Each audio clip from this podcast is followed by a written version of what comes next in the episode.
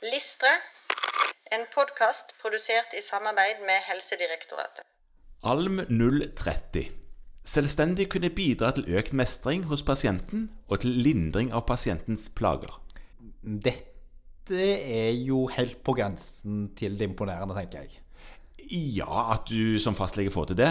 Ja. Ja, ja da, Altså, nei, det Jeg er tenker vel er vi gode, men at vi kan bidra til Ja, ja, bidra, bidra, ja. Men, men når det gjelder dette med mestring Ja, dette her er jo hjelp til selvhjelp. Ja. Og det handler jo om å klare å unngå å få pasienter inn unødig ofte, og heller legge litt grann ansvar over på pasienten sjøl. Ja, og ansvaret ligger i veldig stor grad på pasienten. Jeg pleier å bruke en, et slide jeg, i, i mine foredrag en del ganger. Ok, hvilket da? der, der det står em, du kan lede en hest til vann, men du kan ikke få den til å drikke.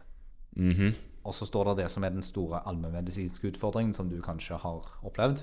For, Og så er det grusomt forbasket irriterende når den samme hesten da etterpå klager på at han er tørst.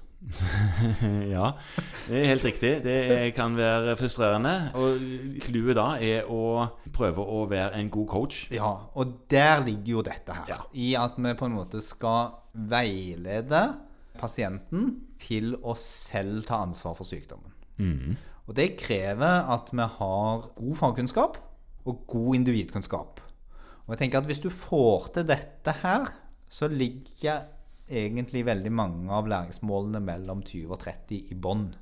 Ja, Du må helt ha riktig. kjennskap til alle de faktorene som ligger rundt pasienten, og du må ha kjennskap til alle de faktorene i pasienten. Ja, De ressursene pasienten har, og de ressursene pasienten ikke har. Og så må du kunne en god del om hva som feiler pasienten, og hvordan den lidelsen skal behandles. Og dette er på en måte nesten en slags sånn der en eh, hellig gral i allmennmedisin å få til dette her. For får du pasienten til å mestre sykdommen sin, Mm. så vil altså alle som mestrer livet, ha høyere livskvalitet. Det er riktig. Ja. Og man kan være syk selv om man mestrer. Absolutt. Ja. Det, er, der er, der er ikke nødvendigvis noen som helst sammenheng mellom hvor alvorlig syk man er, Og hvor godt man mestrer. og hvor god livskvalitet man har. Nei, det er riktig. I hvert fall ikke sånn objektivt sett. Så for å få dette til som læringsaktivitet, så er i hovedsak gruppeveiledningen satt opp. Den er jo med overalt. Ja, nesten. Eh, og så er det på en måte, tenker jeg, at man skal se litt på det som en slags sånn høyere enhet av mange, mange andre læringsmål. Ja. Når det gjelder det å drive faglig praksis og få erfaring med hvordan man skal veilede pasienter. Og så er det veldig fint at ordet 'lindre' er tatt med. Ja. Fordi at det er viktig å minne alle på at lindring er en enormt stor del av det leger holder på med.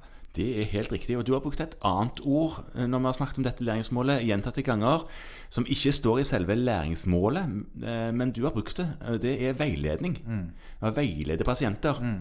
Og selv om det ikke står i læringsmålet, så går det an å reflektere litt rundt akkurat det, siden spesialistutdannelsen nå skal gjøre kandidaten veiledningskompetent. Ja, Og du kan veilede kolleger som trenger veiledning, men du kan òg veilede pasientene dine. ja.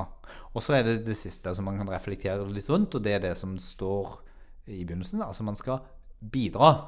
Ja. Man skal ikke løse dette problemet for pasienten. Akkurat det med å bidra, det er òg litt grann nøkkelen bak veiledning. Ja. Fordi med veiledning så er det ikke du som er, finner opp kruttet. Det skal finnes opp av den du veileder. ja.